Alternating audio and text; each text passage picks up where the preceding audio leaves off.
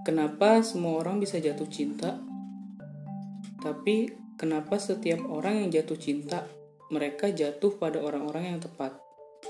Terus, apa yang menyebabkan satu sama lain saling mencintai? Apakah pertama kali bertemu ketika mereka menonton konser?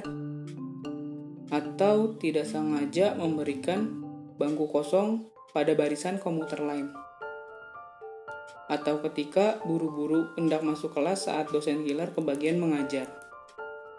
Bisa juga bersebelahan ketika menonton film yang mereka idam-idamkan setelah tayang di bioskop atau pergi ke suatu tempat dengan tujuan memberikan suasana hati yang baru dengan pergi sendirian.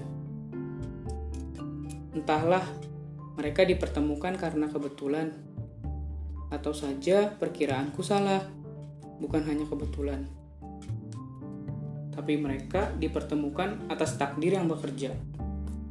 Aku tidak terlalu mengerti akan hal itu.